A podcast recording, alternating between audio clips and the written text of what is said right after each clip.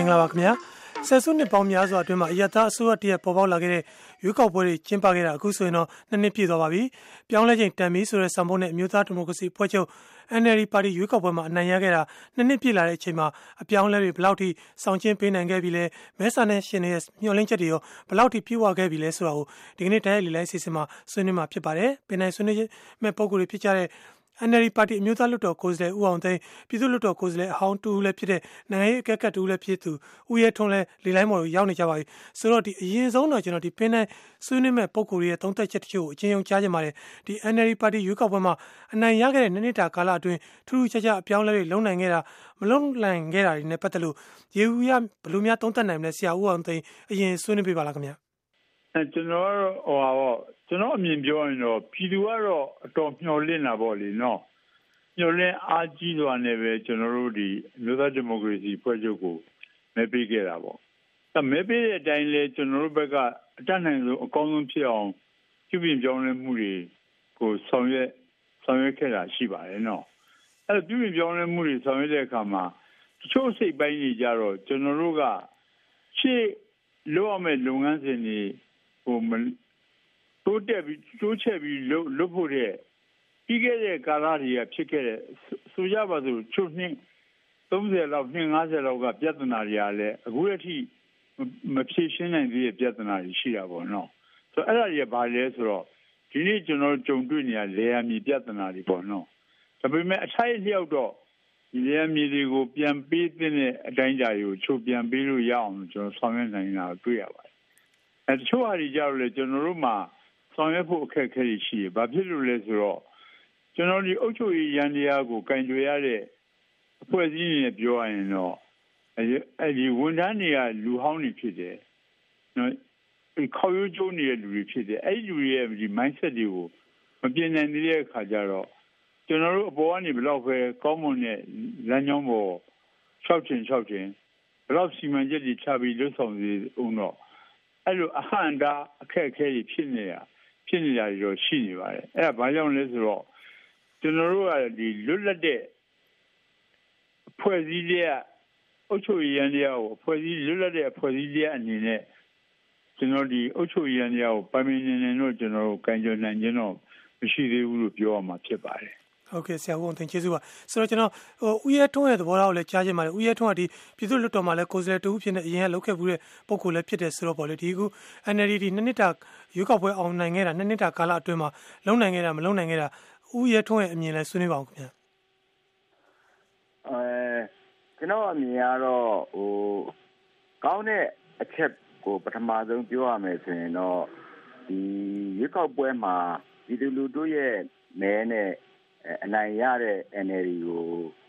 အာဏာလွှဲပြောင်းပေးနိုင်တယ်ပေါ့နော်အာဏာလွှဲပြောင်းပေးနိုင်တယ်ဒါတစ်ချက်ပေါ့ဒါကတော့အများက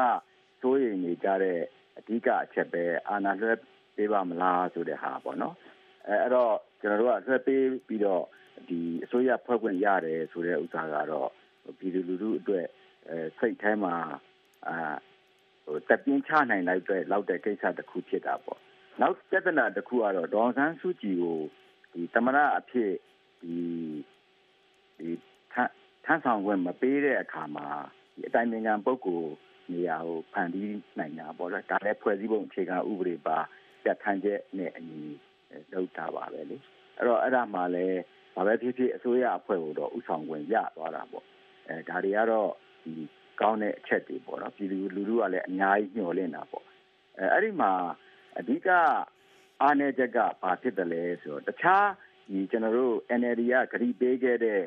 ပြည်ရင်းချင်းချင်းရေးရရှိရေးတို့เนาะကျွန်တော်တို့ဖွဲ့စည်းပုံအခြေခံဥပဒေပြင်ဆင်ရေးတို့ဆိုတဲ့ဟာတွေကအမှန်တော့ဒီရေရှည်သွားမယ်ကိစ္စတွေဒီ9နှစ်အတွင်းမှာဟိုအောင်မြင်ခြင်းမလည်းအောင်မြင်မယ်ပေါ့လေအဲ့လိုအနေထားမှာအဓိကအရေးကြီးတာကပြည်သူလူထုရဲ့စာဝတ်နေရေးပို့ပြီးတော့တိုးတက်လာဖို့ဖြစ်တာပေါ့အဲ ဒီဒီစီးပွားရေးတိုးတက်ဖို့အဓိကအာယုံဆိုင်လောက်ရမယ့်ဟာကိုအာယုံဆိုင်မလောက်နိုင်ခဲ့ဘူးပေါ့နော်အဲအဲ့တော့ဒေါအောင်ဆန်းအဓိကကောင်းဆောင်ဒေါအောင်ဆန်းစုကြည်အနေနဲ့တော့အဲစိတ်မကြသေးခင်ရပဲဒါစီးပွားရေးကိုပြန်ပြီးတော့အာယုံဆိုင်လုပ်မယ်လို့ပြောတော်ညာလဲအဲသူပြောတဲ့အထဲမှာထပ်ပါနေတာကဒီငញ្ញမ်းရေးရအောင်လုပ်ဖို့ဟာကိုအဓိကဖြစ်တယ်ဆိုတဲ့ကိစ္စကိုသူ့အနေနဲ့မှားတယ်လို့မထင်ဘူးဆိုပြီးတော့အဲ သူအဲ့လိုပြောပါတယ်အဲ့တော့ဆိုလိုချင်တာကတော့ဟိုစီးပွားရေးဖွံ့ဖြိုးတိုးတက်အောင်လုပ်ဖို့ကိစ္စကအဲအခုတည်းအထိကျွန်တော်ထင်တယ်အဓိကဦးစားပေးအနေထားမှာမရှိသေးဘူးအဲ့တော့ဒီအရင်အစိုးရလက်ထက်ကဒီမှားရင်ဆိုအကောင့်တွေပေါ်တဲ့ပေါ်ထားတဲ့ကိစ္စတွေပေါ့ဗျာဥပမာကျွန်တော်တို့ဒီအစိုးရကပိုင်တဲ့နိုင်ငံတော်ကပိုင်တဲ့ရှုံးနေတဲ့ဟာတွေကိုပုတ်တိကပိုင်ဟို ကူပြောင်းရေးပြည်ပြည်ဘဝမလုပ်နိုင်ခဲ့တာတို့ကျွန်တော်တို့တဘာဝပတ်ဝန်းကျင်ပျက်စီးတဲ့ဒီတတ်ထုမိုင်းတွေရတနာမိုင်းတွေရွှေရွှေတွင်းတွေဒါတွေကိုစီကမ်းမဲ့တူဖို့ဝင်ပေးတဲ့ကိစ္စတို့အဲ့ဓာတွေကို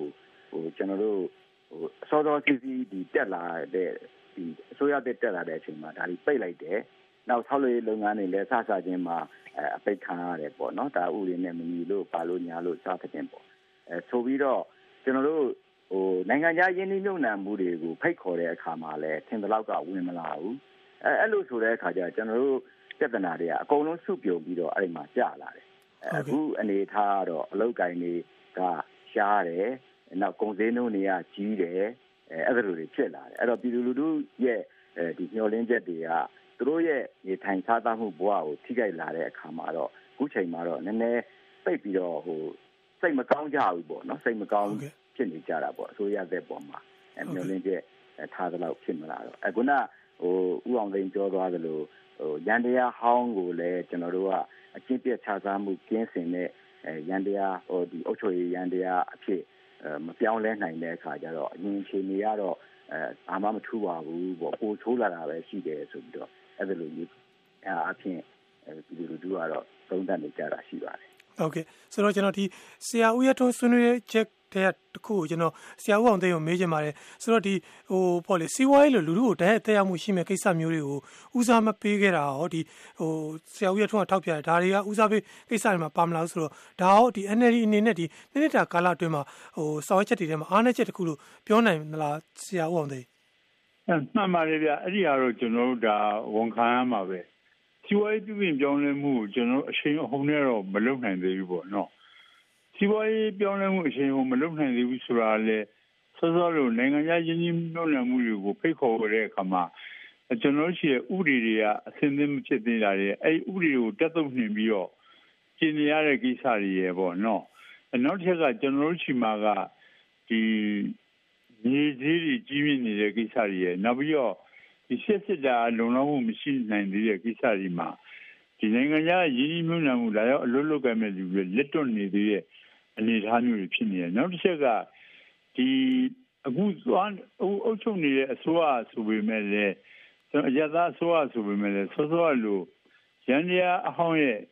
တော့ကျွန်တော်ဒီအဂရိမကင်းတဲ့ချို့အပိုင်းကြီးမှာလည်းရှိခဲ့ဘူးတဲ့အတွေ့အကြုံတွေရာဒီနိုင်ငံတကာရဲ့ရင်းနှီးမြှုပ်နှံမှုဆိုတာကို လက်တွန့်နေတဲ့သဘောမျိုးဖြစ်နေတယ်လို့ကျွန်တော်အဲ့လိုမြင်ပါတယ်ခင်ဗျာဟုတ်ကဲ့ကျေးဇူးပါဆိုတော့ကျွန်တော်တို့ဒီဆွေးနွေးပွဲအတွက်ကိုပါဝင်ဆွေးနွေးဖို့ကျွန်တော်တို့ဆက်သွယ်ထားတဲ့သူတွေကိုလည်းဒီညမှာအလှည့်ပေးကြပါတယ်ဒီလိုဆွေးနွေးပွဲကိုစိတ်ဝင်စားဆက်သွယ်လာတာလည်းကျေးဇူးတင်ပါတယ်အခုဒီဆွေးနွေးပွဲအတွက်ကိုပါဝင်ဖို့ဆက်သွယ်ထားတဲ့ပုံကိုယ်တွေကလည်းများနေတဲ့အတွက်ဟိုဟိုမြေတားရက်ခံနေတာကတော့ဒီလူရင်းတူရှင်းကိုဆိုပဲဟိုတန်တန်တော့ချုပ်ပြီးပြောကြဖို့မြက်ခံရမြက်တာရက်ခံလိုပါတယ်အရင်ဆုံးကတော့ကျွန်တော်မြန်မာနိုင်ငံကိုမြင့်သေးပါကိုမြင့်သေးသဘောထားဆွေးနွေးလို့ရပါတယ်ခင်ဗျ ဟုတ်ကဲ့ကျွန်တော်တို့နမောက်မျိုးနယ်နဲ့ပတ်သက်ပြီးတော့ကျွန်တော်တို့ကောင်းကျိုးနဲ့ပတ်သက်ပြီးတော့ကျွန်တော်တို့ခုရတာဆိုရလက်ထက်မှာတော့ကျွန်တော်နမောက်မျိုးနယ်အုပ်စု80မှာကျွန်တော်တို့မိုင်400ကျော်ပေါ့လေအဲ့မှာလမ်းလုတ်ဖို့အတွက်ကိုအခုဆိုရင်တက်တိုင်နေလဲချနေပါပြီကျွန်တော်တို့ဒီရဖို့အတွက်လည်းလုံနေပါပြီလမ်းအတွက်လည်းလုံနေပါပြီဒါတွေလည်းကောင်းပါတယ်နောက်မကွေးမျိုးဆိုလို့ရှိရင်လည်းကျွန်တော်တို့ရင်းကျိုဒေါက်တာအောင်မင်းကျိုရဲ့နေဟိုမကွေးမျိုးဆိုလို့ရှိရင်အင်မတန်မှကိုလမ်းကြီးကောင်းသွားပါပြီဒါကတော့ကောင်းကျိုးတွေပါ နောက်တစ်ခုကကြတော့ကျွန်တော်တို့အားနည်းချက်ဖြစ်နေတာပေါင်းအားနည်းချက်ဖြစ်နေတယ်ဆိုလို့ရှိရင်ကျွန်တော်တို့အခုဒီဟိုပါပေါ့ကျွန်တော်တို့ဒီလွတ်တော်ကိုယ်စားလှယ်တွေအနေနဲ့အကြံပြုချင်တာကကျွန်တော်အုပ်ချုပ်ရေးမှန်နိုင်တဲ့တရားရေးမှန်နိုင်လေးကိုတရားရေးမှန်နိုင်အဓိကစောင့်ကြည့်စေခြင်းတွေဗျာ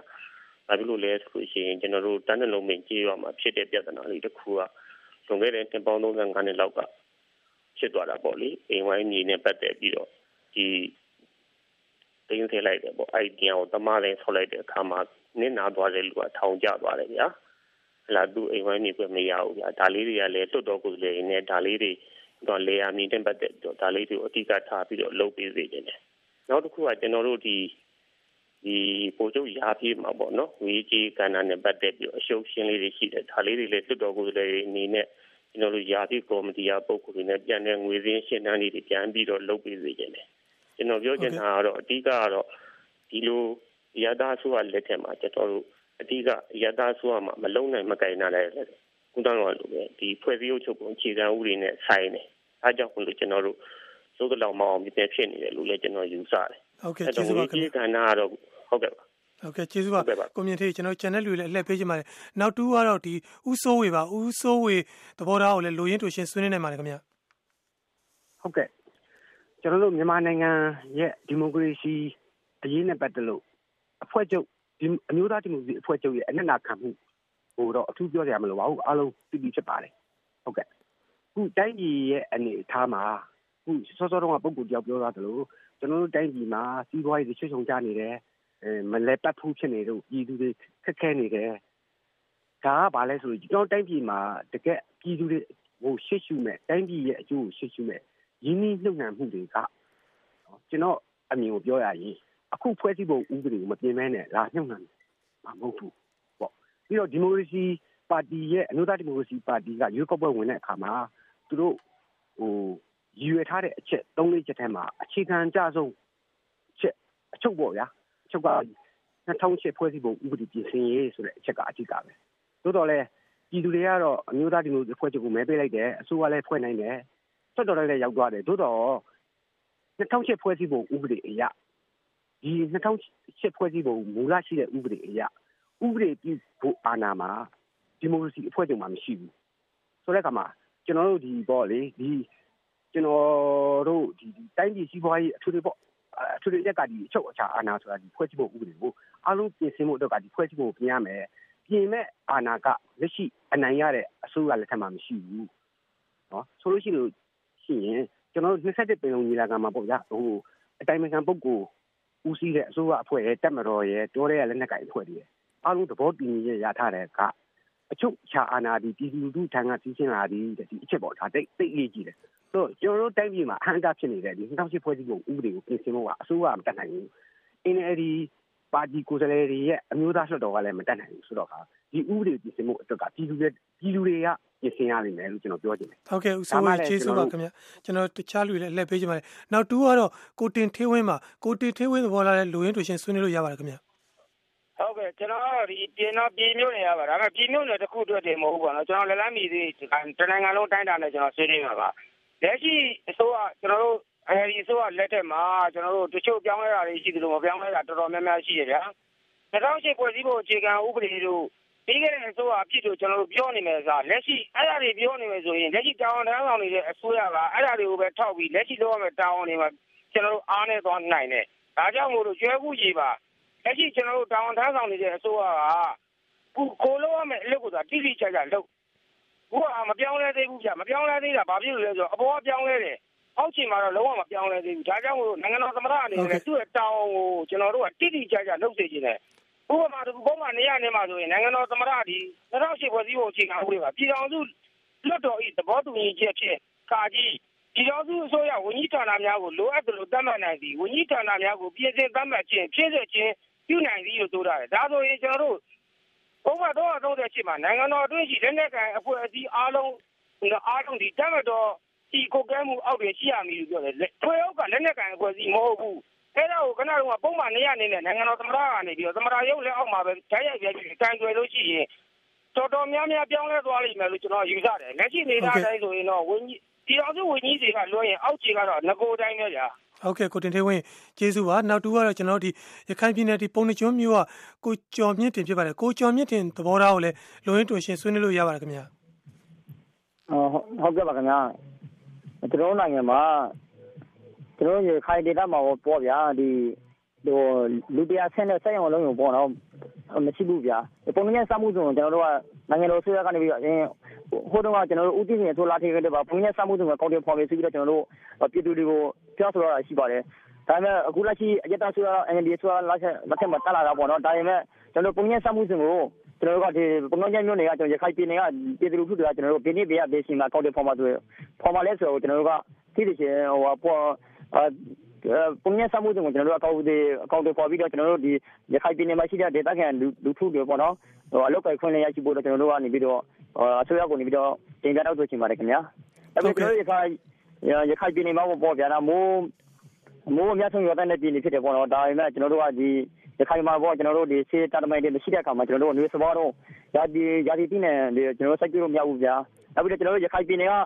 လျှက်ဆက် gas က gas ကတော့ပေါ်တော့ကြောက်ဖြူကဒါပေမဲ့ကျွန်တော်တို့ ရခိုင်ပြည်နယ်မှာ ကျွန်တော်စိလာဒေတာပေါ့စိလာဒေတာတောရော်တွေပေါ့နော် လျှက်ဆက်မင်းမရသေးဘူးအဲနိုင်ငံတော်ဆွေးရဗဟိုဆွေးရကနေပြီးတော့ ဒါတွေကို လျှက်ဆက်မင်းစိလာဒေတာတွေ လျှက်ဆက်မင်းလည်းအောင်တော့ လုပ်ခဲ့ဆိုပြဖို့ လိုရပါတယ်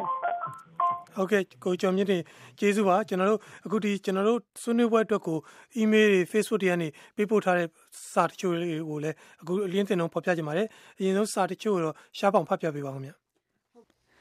ဟုတ်ကဲ့ပါအီးမေးလ်နဲ့စာရေးပေးပို့လာတဲ့သောရရှင်တူကတော့ကျွန်တော်နာမည်မာရာခါလီပါတဲ့အမေရိကန်အိုင်အိုဝါပြည်နယ်ကပါ NLD ကပြောင်းလဲချိန်တန်ပြီးဆိုတဲ့ဆောင်းမုံနဲ့အနိုင်ရခဲ့ပါပြီပြုပြင်ပြောင်းလဲမှုကိုဥတီနိုင်ရန်ပြည်သူလူထုကလည်းအတက်နိုင်ဆုံးပါဝင်ကြဖို့မေတ္တာရက်ခံချင်ပါတယ်ကျေးဇူးတင်ပါတယ်ဆိုပြီးရေးသားထားပါတယ်နောက်ထပ်သောရရှင်ဒီ Facebook account နာမည်ကတော့ဒီမင်းမင်းကျော်ဆိုတဲ့သောရရှင်က NLD မဲ အနိုင်ရပြီးအစိုးရဖြစ်သွားကြတဲ့ကပြောင်းလဲသွားတာပါပဲတဲ့အာနာရှင်အခွင့်ထူးကန်အစိုးရပြုတ်ကြတာဟာ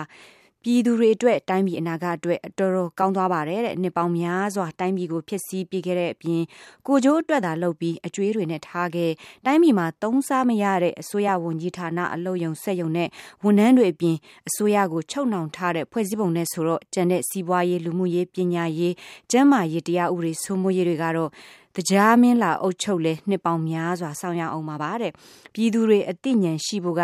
ကြောက်ထဲကြဖို့လက်တလုံးအလိုမှာကဲတင်လိုက်ရပါတယ်ဆိုတာမျိုးမဖြစ်စေဖို့ပါပဲတဲ့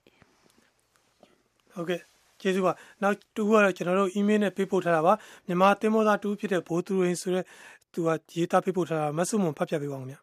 အခုအစိုးရသစ်က အခက်ခဲများစွာ ကြုံတွေ့နေရပါတယ်။စစ်အစိုးရလက်ထက် အမွေဆိုးများလို့ ပြောချင်ပါတယ်။ကိုယ်တိုင်မဖြေရှင်းနိုင်လို့ အရင်အစိုးရတွေကို အပြစ်တင်ပြောဆိုနေတာ မဟုတ်ပါဘူး။ဥပမာ ဧရာဝတီမြစ်ဆုံစီမံကိန်းဆိုပါစို့စစ်အစိုးရက ခွင့်ပြုခဲ့တယ်။ဦးသိန်းစိန်အစိုးရလက်ထက်မှာတော့ ၅ နှစ် ဆိုင်းငံ့ပေးမယ်လို့ ပြောခဲ့တယ်။အပြီးမသတ်ခဲ့ဘူး။ပြည်သူတွေက မကြိုက်တဲ့ ဒီမြစ်ဆုံစီမံကိန်းကို အခုအစိုးရက ဖျက်သိမ်းမယ်ဆိုရင် ငွေ ၆ ဘီလီယံနီးပါး လျော်ကြေးပေးရမယ့်အပြင် တရုတ်နဲ့ ဆက်ဆံရေးကိုလည်း လိမ္မာပါးနပ်စွာ ဆက်ဆံနေရပါတယ်။နောက်တခုက ရခိုင်ပြည်နယ်အရေးကိုလည်း ကြည့်ပါ။၂၀၁၀ မှာ ကြံ့ခိုင်ရေးက မဲရဖို့ နိုင်ငံခြားသား တော်တော်များများ NRC နိုင်ငံသားကဒ်တွေ ရသွားတယ်။စစ်အစိုးရခေတ်မှာလည်း လာဘ်စားမှုတွေနဲ့ ဒလဟော ဘင်္ဂလားဒေ့ရှ်က ဝင်လာခဲ့ကြတာ တဖြည်းဖြည်း ပေါက်ကွဲတော့မယ့် ဗုံးက အခုလားပေါက်ကွဲလာတယ်။ဒါတွေက လူထုအစိုးရအတွက် အကြီးမားဆုံးသော ယခင်အစိုးရများရဲ့ နောက်ဆက်တွဲ အမွေဆိုးတွေပါ။ဒါကြောင့် အခုအစိုးရသက်တမ်း ၅ နှစ်မှာတော့ အဓိကလုပ်ငန်းတွေဖြစ်တဲ့ ဥပဒေပြင်ဆင်ရေး၊ကောင်းမွန်သော ဥပဒေ အတည်ပြုပြဌာန်းပေးရေး၊ပညာရေး၊ကျန်းမာရေးတွေ လုပ်နိုင်ဦးမှာ ဖြစ်ပါတယ်။ရင်းနှီးမြှုပ်နှံမှု ဥပဒေဆို အခုမှ အတည်ပြုနိုင်တာပါ။ဒါတောင် နည်းဥပဒေက မထွက်သေးပါဘူး။ဒါကြောင့် တိုင်းပြည်တိုးတက်ပြောင်းလဲမှုကတော့ အခု ၅ နှစ်သက်တမ်းမှာ အမြန်ဆုံး ပေါ်ပေါက်လာမှာ မဟုတ်သေးဘူးလို့ သုံးသပ်မြင်မိပါတယ်။ဘိုသူရိန်သင်္ဘောသားတဦးဆိုပြီး ရေးသားထားပါတယ်ရှင်။ ဟုတ်ကဲ့ဒါကတော့ဟိုမဆုမဖတ်ပြပေးတာကျေးဇူးပါဆိုတော့ဒီအခုတောတာရှင်တွေအစောပိုင်းမှာဆရာဦးအောင်သိန်းတို့လည်းထောက်ပြသွားတာတွေရှိပါတယ်ဆိုတော့ဒီ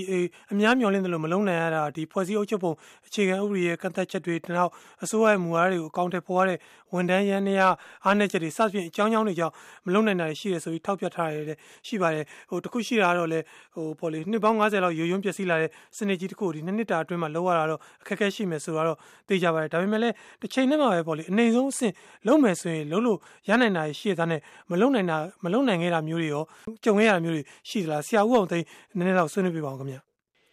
အဓိကတော့ဗျာကျွန်တော်တို့ကဒီကျွန်တော်တိုင်းပြည်မှာကတည်တဲ့အတိုင်းပဲဒီ လေယာဉ်မြေပြဿနာပေါ့ဗျာနော်ဒီလေသမားအများစုရှိရတယ်ဒီ90ရာခိုင်နှုန်းကကျွန်တော်တို့ကြီးလက်ပြည်သူတွေဖြစ်ကြတယ်ကြီးလက်ပြည်သူတွေစီးပွားရေးဖွံ့ဖြိုးမှုနောက်ကျနေတဲ့အစုအခြေအနေမျိုးတွေဖြစ်တာပေါ့နော်အဲ့ဒီမှာကကျွန်တော်ဒီလေယာဉ်မြင်နဲ့ပတ်သက်ပြီးကင်ကြွယ်တဲ့အခါမှာ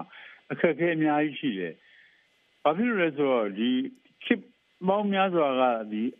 သိသိရှိလာတဲ့အနိုင်ကျင့်သိသိရှိထားတဲ့လေယာဉ်မြင်ပြဿနာတွေရှိတယ်ပေါ့နော်။ အတာဝန်မကျေလို့သိညာတို့စစ်တပ်ကသိညာတို့အဲနောက်တစ်ခါကျွန်တော်တို့ဌာနဆိုင်ရာတွေကနေပေါ့သိညာတို့ဌာနဆိုင်ရာလက်ဝဲတွေမှာလေရီယာတွေရှိနေတာတို့တပ်မတော်ထဲမှာလေရီယာတွေရှိနေတာဆိုတော့သူတို့ကဒီလေလုတ်ကိုမလုတ်ခွင့်နဲ့လေယာမြေတွေကိုလက်ဝက်မှာသိသိထားပြီးတော့ဒီကြီးစားကကိုခံစားပြီးလွတ်ရတဲ့ခါမှာဒီလေသမားကလေသိမ်းခံပြီးအဲ့ဒီလေရဲ့လေကြုံပြန်ဖြစ်နေတဲ့ဘဝတွေဖြစ်နေတယ်ဆိုတော့ဒါတွေကိုကျွန်တော်ဖြည့်ရှင်းတဲ့အခါမှာ တချို့အစိတ်ပိုင်းတွေပြန်ရတယ်တချို့အစိတ်ပိုင်းတွေတော်တော်များများကတော့ဒီနေ့ဒီလေမြေပြဿနာကိုကျွန်တော်ဖြည့်ရှင်းနိုင်ကင်တွေရအခက်ဆုံးပြဿနာတစ်ခုဖြစ်နေတယ်ဟုတ်ကဲ့ဒါတွေကိုကျွန်တော်တို့ကဟလာပြုပြင်ပြောင်းလဲဖို့ဆောင်ရွက်နေပါတယ်ဆိုပေမဲ့ဒီအစစ်စစ်သောရန်တရားတွေရဲ့ကိစ္စတွေကဒီကနေ့ဒီခင်ဗျာဒီလေမြေတွေဟာစစ်တပ်ကလည်းလိုအပ်တဲ့အတိုင်းအတာရှိပို့ပို့ပြီးတော့မလုပ်ပါနဲ့ဆိုတာလေပို့ပြီးတော့ သိယူထားတဲ့လေယာဉ်ပြဿနာရှိတာပဲဗျအဲ့တော့ကျွန်တော်တို့ဒီဘက်မှာလေယာဉ်ပြဿနာကိုမဖြေရှင်းနိုင်ရင်ကျွန်တော်တို့အစိုးရမှာတော့နည်းနည်းအကြက်တဲတော့ဖြစ်နေတာပေါ့လေဒါပေမဲ့ပြည်သူလူထုကတော့နားလေသဘောပေါက်တယ်ကျွန်တော်တို့ဒီဘက်မှာအကောင်းဆုံးနဲ့အတတ်နိုင်ဆုံးဒါအစိုးရအနေနဲ့ဖြေရှင်းဆောင်ရွက်သွားမယ်လေယာဉ်ပြဿနာလည်းအလုံးမအရေးကြီးရဆိုရဲဘူပိုင်းဆိုင်အောင်လည်းသတ်မှတ်ထားရှိပါတယ်ဟုတ်ကဲ့နောက်ချက်ကကျွန်တော်တို့ကဖွဲ့စည်းပုံခြေခံဥပဒေပြဿနာပေါ့ဗျာဖွဲ့စည်းပုံခြေခံဥပဒေပြဿနာကတော့ဒါ ပြုပြင်ပြောင်းလဲဖို့တော့ကျွန်တော်လိုအပ်တယ်နော်ပြင်ဆင်ခွင့်လည်းရှိတယ်လို့လည်းပြောထားတယ်သို့တော်လည်းပြင်ဆင်ဖို့ရအောင်ပြင်ဆင်လို့မရနိုင်အောင်ခက်ခဲအောင်လည်းဖန်တီးထားတာကိုကျွန်တော်တွေ့ရတယ်အဲ့ဒါကတော့ဒီကျွန်တော်တို့ဒီအာဏာရှင်ရဲ့အငွေအသက်တွေပေါ့ဗျာဖွဲ့စည်းပုံကအများဆုံးတွေ့ရတယ်အဲ့တော့အဲ့ဒီဖွဲ့စည်းပုံကိုကျွန်တော်ပြုပြင်ပြောင်းလဲဖို့ဆိုတာလေလွတ်လင်းလူမှုဖြစ်နေတဲ့အခါဒီ NLD နဲ့ဖွဲ့စည်းပုံကိုဒီနေ့ရှိတော့ permanent မထိမတုနိုင်သေးဘူးပေါ့နော်အဲဒါပေမဲ့ငြင်းရန်ရေးတို့ တရားဥပဒေစိုးမိုးရေးတို့ရရှိအောင်တော့ကျွန်တော်ကျေကျေပြင်းပြင်းဆောင်ရွက်လုပ်ကိုင်နေတာတော့ကျွန်တော်တွေ့နေရပါတယ်ဟုတ်ကဲ့ကျေးဇူးပါကျွန်တော်ဒီဆွေးနွေးပွဲအတွက်ကိုနောက်ထပ်ဆက်သွယ်ထားတဲ့ပုံကိုတချို့လည်းထပ်ပြီးလက်ပေးကြပါတယ်တူကတော့ဒီအမေရိကန်ပြည်ထောင်စုကကိုလာမောင်မှာကိုလာမောင်ရဲ့ဟိုအချိန်လည်းအများကြီးသိမရတဲ့အတွက်လူရင်းတူရှင်ဆွေးနွေးပေးဖို့မြစ်တာရက်ခံပါတယ်ခင်ဗျဟုတ်ကဲ့လူရင်းတူရှင်ပဲပြောပါမယ်ခင်ဗျာအာနှစ်နှစ်တာကာလရောက်လာပြီဆိုတော့လေတက်တန်းတော့နည်းနည်းလေးတော့ရလာပြီပေါ့ဗျာဆိုတော့ဦးအောင်သိန်းပြောသလိုပါပဲဟိုကျွန်တော်အမြင်ကတော့ဟို ပြည်သူစင်ပြေတဲ့ပြည်သူတွေလည်းပြည်လာတယ်လို့ကျွန်တော်တို့ကြားပါတယ်ဥမာကော့ဖူးလို့နေရပြီပေါ့ဗျာအဲ့တော့အစင်မပြေတဲ့ပြည်သူကတော့အများစုပေါ့ကျွန်တော်ဖြစ်ချင်တာကတော့ကျွန်တော်တောက်လျှောက်ပဲ NLD ကိုထောက်ခံနေတဲ့လူဖြစ်တဲ့အတွက်ကြောင့် NLD မှာတချို့သောတချို့သောလူတွေကဒီမိုကရေစီရသွားပြီလို့ကျွန်တော်ပြည်တွင်းဟန်နေပြီးကျွန်တော်မိတ်ဆွေတွေကပြောပါတယ်အဲ့ဒီကိစ္စဟိုလဲဟိုဦးအောင်သိန်းအနေနဲ့ကျွန်တော်ကဟို ပြောစီချင်ပါတယ်နောက်တစ်ခုကကျွန်တော်က NLD ကိုထောက်ခံပါတယ် NLD ကိုဘာလို့ထောက်ခံလဲဆိုတော့ NLD မထောက်ခံလို့ရှိရင်ကျွန်တော်ကလူမဟုတ်မှလူမဖြစ်မှဖြစ်တဲ့အတွက်ကြောင့်အဲ့ဒီကိစ္စကိုလည်းနည်းနည်းပြောပြပါလို့မြစ်တာရက်ခံပါတယ်ဟုတ်ကဲ့ကျွန်တော်နောက်တူကတော့ကျွန်တော် ARV တိုင်းပန်းတနော်မြို့နယ်ကကိုတင်မောင်ဝင်းဖြစ်ပါတယ်ကိုတင်မောင်ဝင်းရဲ့သဘောထားလဲလူရင်းတူရှင်ဆွေးနွေးနိုင်ပါတယ်ခင်ဗျာဟုတ်ကဲ့ညီမကျွန်တော်ဆိုတော့တော်တော်လေးကျွန်တော်တို့မပြောင်းလဲပါလေခင်ဗျာကိုယ်လက်ပြင်ပါလေ ဟင်းဒီနေ့တော့မတော်တော့တော့ကျွန်တော်ညာလို့ကျွန်တော်ညွှန်ရွာဆိုလို့ရှိရင်အဲဘယ်တော့ကအကြမ်းကြောင်းခွဲလေးကြမ်းကြောင်းခွဲလေးနေပါပြီဒီကနေ့ကြောင်းဆုပ်ကလေးလည်းကျွန်တော်တို့ညီရတော့တင်ကူးတဲ့ကြချပြီးတော့သူ့မိုးနဲ့ကျွန်တော်တို့ဟိုနေဥပကတက်ပြီးတော့တော်တော်လေးဖြစ်သွားတယ်ကျမကြီးကျမကြီးကကျွန်တော်တို့စိတ်ပေးကဆိုလို့ရှိရင်စိတ်ပေးကအဆုပ်ကလေးဘူးလို့ဆိုတော့ဒီလိုကပိတ်တောင်ချပြလိုက်တယ်အခုလိုခိတိုင်းမှာဆေးကန်းကြီးကသွားသွားဒီလာလီကရဲ့ဆ ရာဝန်ကြီးတွေအခါဆရာမကြီးတွေအခါနဲ့တော်တော်တူးတယ်ခင်ဗျ။ရမဆက်ပြီးရမဆက်ပြီးဒီကျွန်တော်တို့ကတော့ဆိုရင်ဟိုရန်ကုန်ဆိုရင်တရားစကြလုံးတရားဟိုသွားပြီးမိုးလေးမရောက်တယ်အခုလိုရန်ကုန်လူကြီးတွေကစီးပွားလို့ရတယ်ဟုတ်ကဲ့ကျေးဇူးပါခင်ဗျာပို့ပြီးတော့စနေရက်တည်းပဲပါတယ်တော့ပို့လိုက်တဲ့အတွက်ကျွန်တော်တို့ဟိုတော့ဆိုရင်ဇန်နဝါရီဖေဖော်ဝါရီမှာပါတယ်တော့သွားလို့ရတယ်အခုဆိုလို့ကျွန်တော်တို့ဒီဘာလာရနေပြီးတော်တော့လူကြီးတွေသွားနေပြီရန်ကုန်လူကြီးတွေသွားနေပြီခင်ဗျာ ဟုတ်ကဲ့ကျေးဇူးပါဆိုတော့ကျွန်တော်နောက်ဆုံးဒီမှာစာဆောင်ရှိနေပါသေးတယ်တကုံမျိုးသက်ကဥလာထွန်းရဲ့စာပါရှားပေါင်ဖတ်ပြပေးပါဦးခင်ဗျဟုတ်ဟုတ်ကဲ့ပါဦးလာထွန်းရေးထားတာကတော့အများအကျိုးကိုအကြမ်းမဖက်ငြိမ်းချမ်းတဲ့နည်းနဲ့ပြောဆိုဟောပြောပေးတဲ့ရန်ကုန်မြို့တရားလွှတ်တော်ရှင်နေကြီးဦးကိုနီရန်ကုန်နိုင်ငံတကာလေစိတ်လိုနေရာမျိုးမှာတနတ်နဲ့ပြစ်ဒတ်ခံခဲ့ရတယ်။ရှမ်းပြည်နယ်ကရွာလေးတရွာလဲခွက်ထဲမှာလူအုပ်စုနဲ့ဝရင်တုပ်တွေနဲ့ဝိုင်းရိုက်တတ်တာခံခဲ့ရပြန်ပြီးနေရာနဲ့လက်နဲ့သာကွာပေမဲ့အများအကျိုးအတွက်ပြောဆိုရုံနဲ့တတ်ခံရတဲ့အဖြစ်ကရွေးကောက်ခံအယတအစိုးရလက်ထက်မှာဖြစ်နေတာပါအများမလိုလားတဲ့နှစ်ထပ်ကွမ်းဥပဒေ66ကကြီးဖျက်ဖို့ဝေးစွာအခုလာပြန်ပြီး Facebook စောင့်ဖမ်းတဲ့ကိစ္စဘသူကဘသူကိုခိုင်းလို့ဘသူကူစားဒါတွေလုံနေမှန်းတော့နားမလည်နိုင်အောင်ပါပဲဆိုပြီးတော့ဦးလာထွန်းကရေးသားထားပါတယ်ရှင်ဟုတ်ကဲ့ကျေးဇူးပါသူစာရမတော်ဒီတရားဥပဒေစမိုးရေးအားနည်းချက်ဥပဒေပြုရေးအားနည်းချက်တွေကိုလည်းထောက်ပြထားပါတယ်ဆိုတော့ဒီ NLD ပါတီရဲ့ပြောင်းလဲချိန်တန်ပြီဆိုတဲ့ရွေးကောက်ပွဲဆောင်ဖို့ကဟိုလူလူကစိတ်ကြိုက်အစိုးရတရက်ရွေးခွင့်ရတဲ့အပြောင်းလဲတရက်ကိုဆိုလိုတဲ့သဘောဆိုရင်တော့အောင်မြင်တယ်ပြောရမှာပါဒါပေမဲ့လူလူကဒီအစိုးရပေါ်မှာဒီတဲ့မျောလင့်တာတွေလည်းရှိနေဆိုတော့အားလုံးကလည်းပြောသွားပါတယ်ဆိုတော့ဒါပေမဲ့အခုနှုံးတိုင်းနဲ့သာဆက်သွားနေမယ်ဆိုလို့ရှိရင်ဒီရှေ့နောက်တစ်ခေါက်လာမယ့်ရွေးကောက်ပွဲအတွက်ကိုအရင်လို NLD အနေနဲ့တခဲနဲ့ထောက်ခံမှုမျိုးတွေရနိုင်ပါဦးမလားဆရာဦးရဲထွန်းအချင်းကြုံဆွေးနွေးပေးပါခင်ဗျဒီပုံစံအတိုင်းဆက်သွားရင်တော့ဟိုလာမယ့်ရွေးကောက်ပွဲမှာတော့ဟို 2015လို့တခဲနဲ့ထောက်ခံမှုတော့မရနိုင်တော့ဘူးလို့ကျွန်တော်ထင်တယ်။သို့တော့ရွေးကောက်ပွဲတော့ဆက်နိုင်နိုင်တဲ့အနေအထားရှိပါတယ်။အားကြောင့်လို့ဆိုတော့အရင်လူတွေကအာဒီမှားရင်းစွာအကောင့်တွေပေါ်သွားတာတွေကစိတ်ကိုကြီးလေးလွန်းတဲ့အတွက်ကြောင့်မလို့ဒီလူလူတို့ကဟိုအများစုကတော့ NLD ကိုပဲဆက်ပြီးတော့ဟိုဖြစ်လေဦးမယ်အဲဒီမဲအများစုပေးလေဦးမယ်သို့တော့အဲအဲ အတိုက်ခံပါတီတွေကလည်းမဲပို့ပြီးတော့နောက်လွှတ်တော်ထဲမှာလွှတ်တော်ကိုယ်စားလှယ်အရေးအတွက်ပို့ပြီးတော့ရနိုင်ရလာနိုင်လိမ့်မယ်လို့ကျွန်တော်အဲ့လိုသုံးသပ်ပါတယ်ဟုတ်ကဲ့ပါဝင်ဆွေးနွေးပြချခဲ့ကြတဲ့ပြည်သူ့လွှတ်တော်ကိုယ်စားလှယ်ဟောင်းဦးရထွန်း NLD ပါတီအမျိုးသားလွှတ်တော်ကိုယ်စားလှယ်ဦးအောင်သိကိုယ်တိုင်ပါဝင်ဆွေးနွေးသူတွေအီးမေးလ်နဲ့ Facebook ကမှတ်ချက်ပေးပို့သူတွေနဲ့တော်တာရှင်တွေအားလုံးကိုအထူးကျေးဇူးတင်ပါတယ်ခင်ဗျာ